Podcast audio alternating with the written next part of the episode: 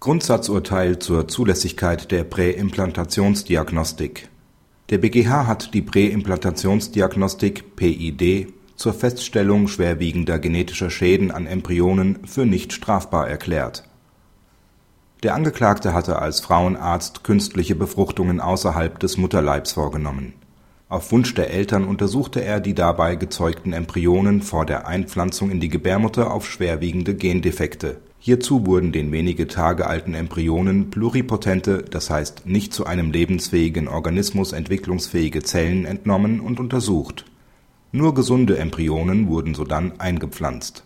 Solche mit Erbschäden ließ der Angeklagte absterben. Der BgH hat nun in der Revision den erstinstanzlichen Freispruch bestätigt nach Ansicht des fünften Strafsenats hat sich der Angeklagte nicht nach § 1 Absatz 1 Nr. 2 Embryonenschutzgesetz strafbar gemacht, weil sein Handeln in der Absicht erfolgte, seinen Patientinnen zu einer Schwangerschaft zu verhelfen. Zwar wollte er die Schwangerschaft nur mit einem gesunden Embryo bewirken, die Untersuchung der Embryonen war aber keine alternative, zur Strafbarkeit führende Absicht, sondern nur ein notwendiges Zwischenziel, um letztlich eine Schwangerschaft herbeiführen zu können die durchgeführten Zellentnahmen waren auch kein verbotenes Verwenden von Embryonen im Sinne von § 2 Absatz 1 Embryonenschutzgesetz. Der Embryo wurde weder zu Zwecken außerhalb des Gesamtvorgangs der extrakorporalen Befruchtung instrumentalisiert, noch wurde er geschädigt.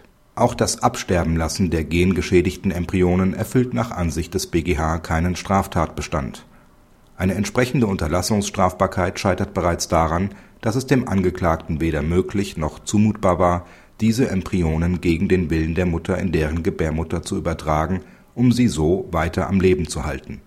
Ausblick Die Entscheidung bringt endlich Rechtssicherheit für Ärzte und Eltern. Da der BgH die Zulässigkeit der PID auf die Untersuchung im Hinblick auf schwere genetische Schäden beschränkt, ist nicht zu befürchten, dass die Entscheidung einer unbegrenzten Selektion anhand genetischer Merkmale den Weg bereitet der fünfte Strafsenat weist dabei ausdrücklich darauf hin, dass etwa eine Selektion zum Zweck der Geschlechtswahl nach dem Embryonenschutzgesetz verboten und strafbar wäre